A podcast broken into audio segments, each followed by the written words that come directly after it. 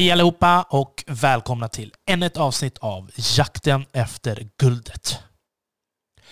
På senare tid så har jag haft en hel del spännande möten. Alltså, det känns kul att podden och våra gäster äntligen har fått börja bära frukt. Precis som enligt plan. Det har varit eh, både en del nya intressanta spelare men också att få medla mitt nätverk till andras fördel. Som jag har berättat tidigare eh, så har ju många i början inte kunnat se utsikten framåt. Men jag har alltid vetat vad som har varit min styrka och jag kommer ihåg när jag lyssnade på Framgångspodden när den var ny. Alltså jag kunde sitta för mig själv och skratta högt och bara lyssna på så många likasinnade personer som jag liksom tyckte i mitt huvud blev mina nya vänner fast vi inte hade träffats eller pratat eller någonting. Uh, jag blev bara helt enkelt fascinerad av hela konceptet och uh, mest av allt tyckte jag att Pärleros, han var så himla sjukt smart som i princip gjorde det jag hade gjort hela livet fast han fick det dokumenterat i ljud och textform på nätet. Det visade hans nätverk, hans egenskaper och det har liksom öppnat hur många dörrar som helst. Och, jag, jag, jag satt och funderade på det. Wow, hur kan, han, hur kan han göra allt det här på så himla kort tid och växa och bli så himla stor? Jag måste göra exakt likadant.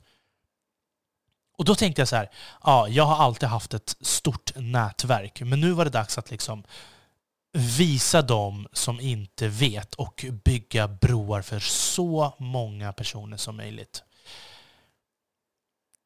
Innan sociala medier så har ju min styrka varit nätverk, så att jag visste ju liksom att eh, när folk har försökt utesluta eller annat trams så har de i princip bara kört ut sig själva. Vi kommer att synas i samma rum. Eh, jag kommer vara där även om du är där. och alla tar liksom olika mycket plats. Så att, eh, och om man inte liksom bara vill avvisa sig själv så är det bäst att istället bara vara kompis med mig. men, men, eh, jag har så här, eh, vill du ha tillgång så ska du vara vän med mig. Gapet har alltid varit stort och det kommer inte direkt bli mindre. Men därför har jag heller aldrig varit avvisande. Jag tycker att eh, har man kontakter så ska man stoppa in dem så att det blir ljust. Det ska inte bara vara en massa lösa kontakter i ett släckt rum. Men eh, sen så har man ju liksom, jag har ju aldrig heller velat ha någonting för det. Alltså ser jag en matchning, då tänder jag lampan så att det blir ljust. Det är utan tvekan på det sättet du växer snabbast och skapar ett riktigt värde. Det här är eh, ett värde som du inte kan köpa för pengar. Ett värde utan dess gränser. Och eh, det är någonting som ligger i allas intresse att bevara också. Så nu när folk både utanför och innanför podden har sett enkelheten så gör det mig otroligt glad att få trycka in kontakter och tända lampor. Eh, det finns ju de som försörjer sig på det här sättet. Att liksom connecta personer eh, som kanske heller inte har ett större tänk. Visst så tror jag att det går ju att fungera så, eh, men man kan aldrig någonsin växa lika snabbt som gratis. Jag tror att man ska ha tålamod, gör er grej, var öppen, bjud på dig själv, bjud på det du har. Men ha integritet och ge samma integritet och värde till det du delar med dig om. Um, du ska typ, du måste respektera folks tid. Gör en tuff gallring åt båda håll innan du släpper lös kontakterna. Och sen så är det bara relax och låta dess frukter bära av sig av sig självt. Um, på så sätt så har man ju också ryggen fri och kan glädjas och skryta när det går bra. Funkar inte har det heller ingenting att tappa. jag tror att gör man tillräckligt många sådana så kommer ordet att spridas som en löpande eld via djungeltrumman. Och eh, det här är det absolut bästa sättet för organisk tillväxt. Eh, jag har gjort det här långt innan sociala medier, men nu får jag chansen att göra det på det här sättet också. Och eh, Believe in the process är inte bara någonting jag tror på. Det är någonting jag alltid har gjort och jag vet att det fungerar. Så därför så tycker jag det är extra kul att jag har fått rycka in och träffa massa spännande personer nu på uh, senare tid och uh, connecta lite. Men nu är det inte det det ska handla om, eh, det här avsnittet. Uh, jag jag har läst en del artiklar och också lyssnat på poddar om ett väldigt spännande företag som jobbar med uh, ultra fast fashion, alltså ultrasnabbt mode. Och det här är ett företag som heter Shein. Anledningen varför jag uh, tar upp det här företaget är för att jag tycker att det är intressant från många olika aspekter. Uh, jag vill öppna en eh, tankeställare för eh, mina lyssnare och liksom så här, uh, ni ska tänka efter lite vad det gäller mode och uh, vad, vilka företag man tycker är bra eller dåliga uh, och hur nya innovationer kan liksom skapa förändring och tillväxt för företag och personer helt enkelt. Shein är en kine, ett kinesiskt företag som startades för 14 år sedan. Men de senaste två, tre åren så har de exploderat. Redan på mitten av 2021 så var de nästan större än både Sara och H&M tillsammans. Och eh, de har en helt de har en helt galen affärsmodell. Och, och, den påminner lite grann om Uber, där det finns massa chaufförer som delar en app. De kanske tjänar lite mindre pengar eh, än sin vanliga taxitjänst, men de får fler körningar vilket gör att det går runt i alla fall. Och det är ungefär så den här affärsmodellen ser ut. Eh, Sara har ju varit kända för att vara liksom ultra fast fashion. Och för dem att liksom titta på ett plagg till att de får ut den i butikerna tar ungefär 14 dagar. Alltså två veckor.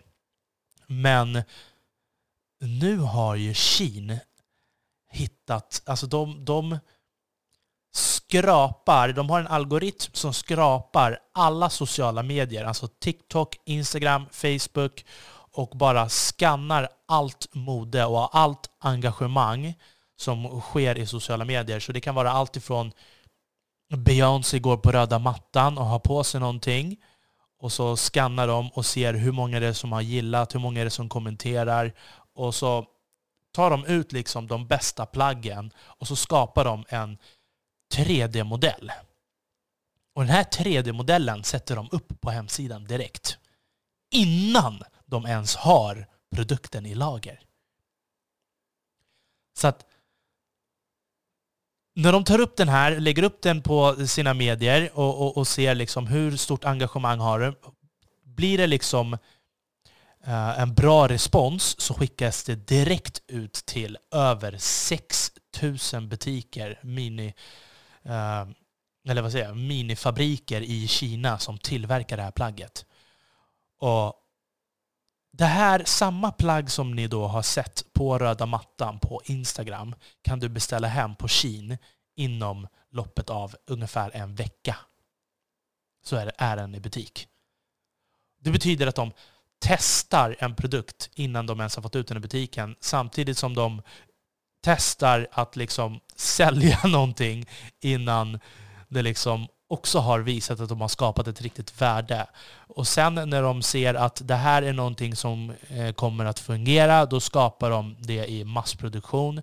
Eh, om det inte fungerar, då tar de bort plagget inom 24 timmar på hemsidan. Och det här, jag, jag, har ju, jag har ju tagit in den här faktan ifrån, eh, dels ifrån min favoritpodd, Den digitala draken. Alltså det är eh, absolut en av Sveriges bästa poddar. en av världens bästa poddar skulle jag säga. Och sen också har jag läst artiklar från Rest of the World.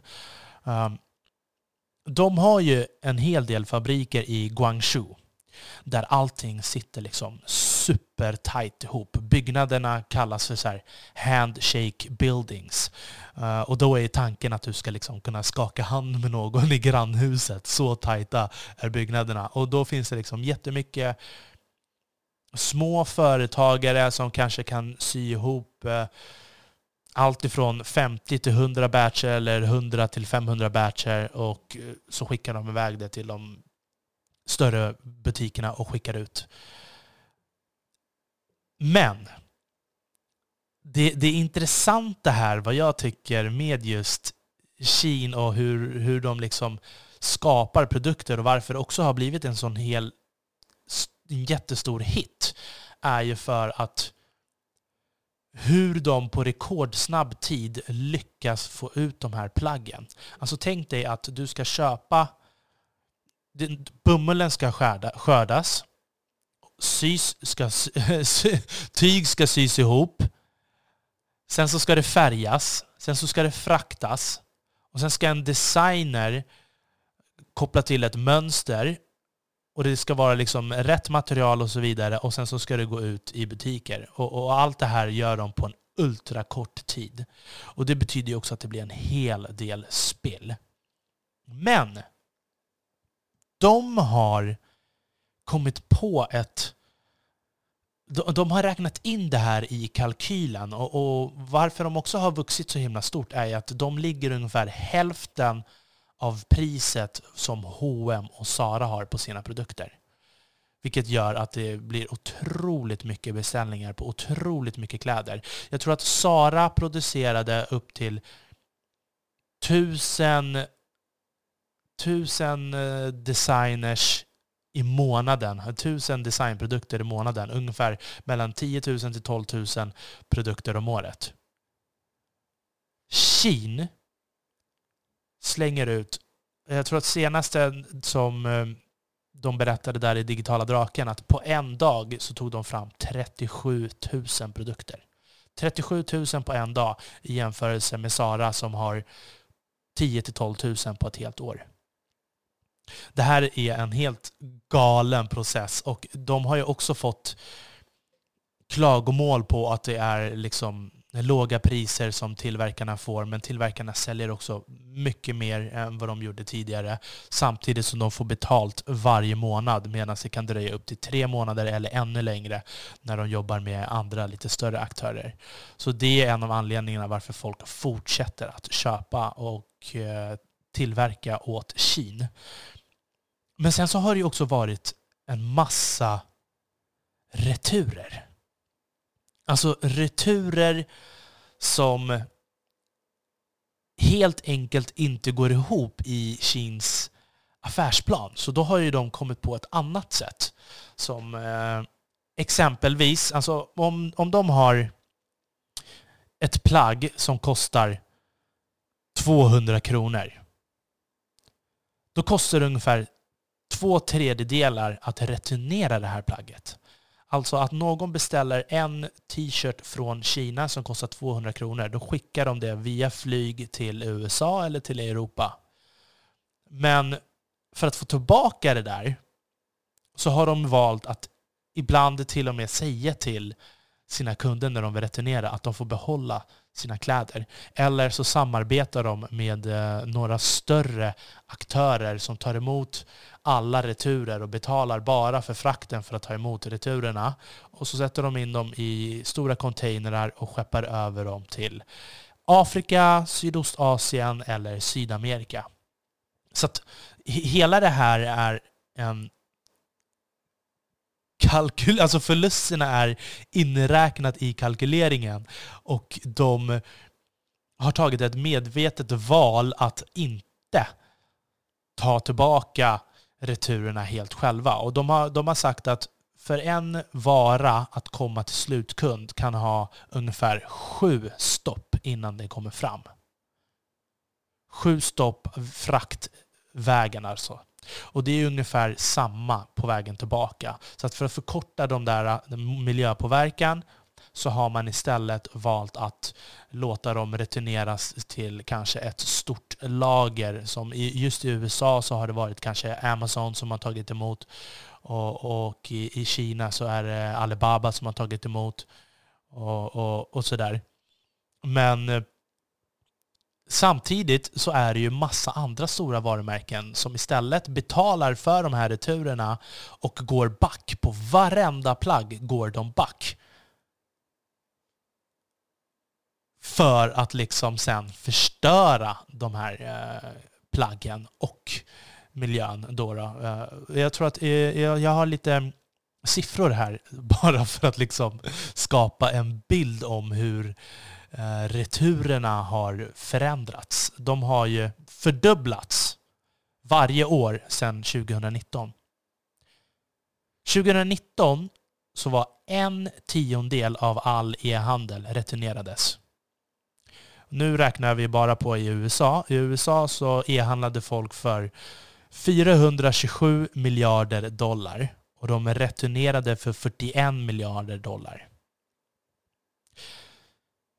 2020, då var det en femtedel. Då hade de handlat för 565 miljarder dollar och returnerat för 102 miljarder dollar. 2021 så var det upp till en fjärdedel. Då hade de handlat för en triljon dollar på e-handel och skickat tillbaka för 218 miljarder dollar. Och det här är enligt eh, eh, National Retail Federation i USA. Det är helt galna siffror här. Eh, men varför jag tog upp just det här är för att jag vill att folk ska ställa sig en tankeställare. Vad kan innovation skapa för nya vägar för människor? Och vad tycker ni? är det bra att returnera så mycket och beställa så mycket? Jag tror att det var ett snitt på att de har ju haft så här superreturnerare som har blivit blockerade också. Eh, folk som i snitt beställer hem varor, returnerar upp, alltså vissa personer som returnerar upp till åtta varor per beställning. Det är helt sjukt. ja, ja, ja. Det, det, jag tror att det här får vara allt för det här avsnittet. Um, ja, just det jag har ju, jag har ju pluggat en, lite en del nu också på senare. Alltid så här, eh, efter Antler, när Antler har varit över, så man får alltid så här mer sug på att bara lära sig lite nya ord, utvecklas och utbilda sig så mycket som möjligt tills man liksom träffar nya personer. Och jag, jag tycker att det har varit kul när jag ser tillbaka på resan med podden, eh, på hur, hur mycket mer gäster och sånt det var i början. Och sen så kommer pandemin och eh, det här liksom påverkar eh, inte bara podden utan också även liksom Eh, folks företag, folks arbete och det har blivit lite svårare att eh, motivera folk att komma in och eh, podda just nu. Men det kommer alldeles strax. Jag har varit i kontakt med jättemånga personer så att snart så får vi in och ni slipper höra enbart mig prata en massa strunt om senaste nytt. Men under tiden så har jag i alla fall Läs på lite. Jag har ju skrapat fram lite gamla böcker som jag har haft här hemma. Uh, bland annat en bok om retorik som jag tyckte var uh, lite intressant. Uh, det har varit allt ifrån retorik kring reklam och branding och sen så har det varit liksom, jag kan ju säga så här, retoriken det är någonting som de kallades djävulens språk. Eh, konsten att vilseleda eller fördärva. Och här finns det liksom lite olika kapitlen. Där står det, uh, jag kan läsa upp här för er. Ett kapitel heter Tala väl och lyssna kritiskt. Ja, det är liksom eh, den misstänksamma och nyfikna människan. Och sen så har vi att uppfinna och finna argument. Sen så har vi förnuft eller känsla. Och det har varit så här, den här boken har varit eh, intressant på många sätt, men också eftersom det är en gammal bok så hade jag hellre velat att det skulle referera till lite mer uh, nya saker. Det var ju ett som var med Per G. Gyllenhammar, Per G. Gyllenhammar, uh, fallet Volvo och uh, Miljöpartiet. Och sen så har det varit lite eh, äldre saker från eh, Churchill och Europas förenta stater och eh, Brutus och ja, en massa liksom Shakespeare, Julius Caesar. Det, det, har varit en bra blandning. Och det har varit, det finns lite så här att prisa eller fördöma. Att överväga och råda. Det här är allt ifrån reklam, branding eller hur retoriken ser ut i domstolar och juridik och så vidare. Ehm, Allt ifrån vår tids retorik till själva talandet, till den sköna stilen. Det har varit kul att få lära sig lite nya ord, men nu är liksom nästan alla de här orden på latin, så att jag kan inte säga att jag kommer ihåg uh, alla de här orden och benämningarna. Men väldigt mycket av det så kommer det upp så vet man vad det är. Och min slutsats av att eh, läsa på lite om retorik är ju att väldigt mycket kan man redan. Eh, det förstår man redan. Jag tycker att är man inte lagd åt det hållet, är man inte argumentativ så ska man inte... Då, då kan det göra lite mer skada än nytta. Och det är också någonting som de tar upp väldigt mycket i boken, att liksom retorik handlar om erfaren, livserfarenhet och intelligens. Annars så är det liksom ett double-edged sword. Eh, att du kan se fiender och eh, olika retoriska former som du tror är attacker fast det egentligen bara kommer uh, inifrån hjärtat helt enkelt. Uh, mm. Så det var väldigt spännande. Eh, jag brukar alltid tänka på olika retoriker när man läser saker i tidningar eller liksom ser journalister skriva saker. Ehm, men jag har inte haft benämningar för det och nu när man liksom har lite benämningar för det så kan jag förstå att vissa människor kanske fastnar i den här uh, cancel culture eller uh, andra fenomen för att ja, man ser helt enkelt att det finns olika strategier i ett talande fast det egentligen kanske inte är en strategi och då har man ju bara överanalyserat. Mm, så min lärdom av eh, retorik och konsten att övertyga var egentligen bara var dig själv. var dig själv och överanalysera inte för mycket. Mm, men det är alltid bra att lära sig någonting nytt. Det här får vara allting för det här avsnittet. Skriv gärna in till mig om ni har tips på gäster, ämnen, vad som helst. Spännande företag också. Följ oss i sociala medier, följ oss i podcaster-apparna och gilla, kommentera. Jag älskar all, all kommunikation. Så har ni frågor, skriv gärna. Så länge! Jakten efter guldet mina vänner, med vänliga hälsningar Armand Falti. Hej och välkomna till podcasten Jakten efter guldet. Denna podcast får ni följa mig, Armond Faltin, i min resa att hitta nya drivna vänner i jakten efter guldet. I denna jakt söker jag kunskap, nätverk och relationer. Jag kommer även dela med mig om mina egna tankar kring resan och ta upp aktuella ämnen som dyker upp på vägen. Häng med! Ingenting är omöjligt.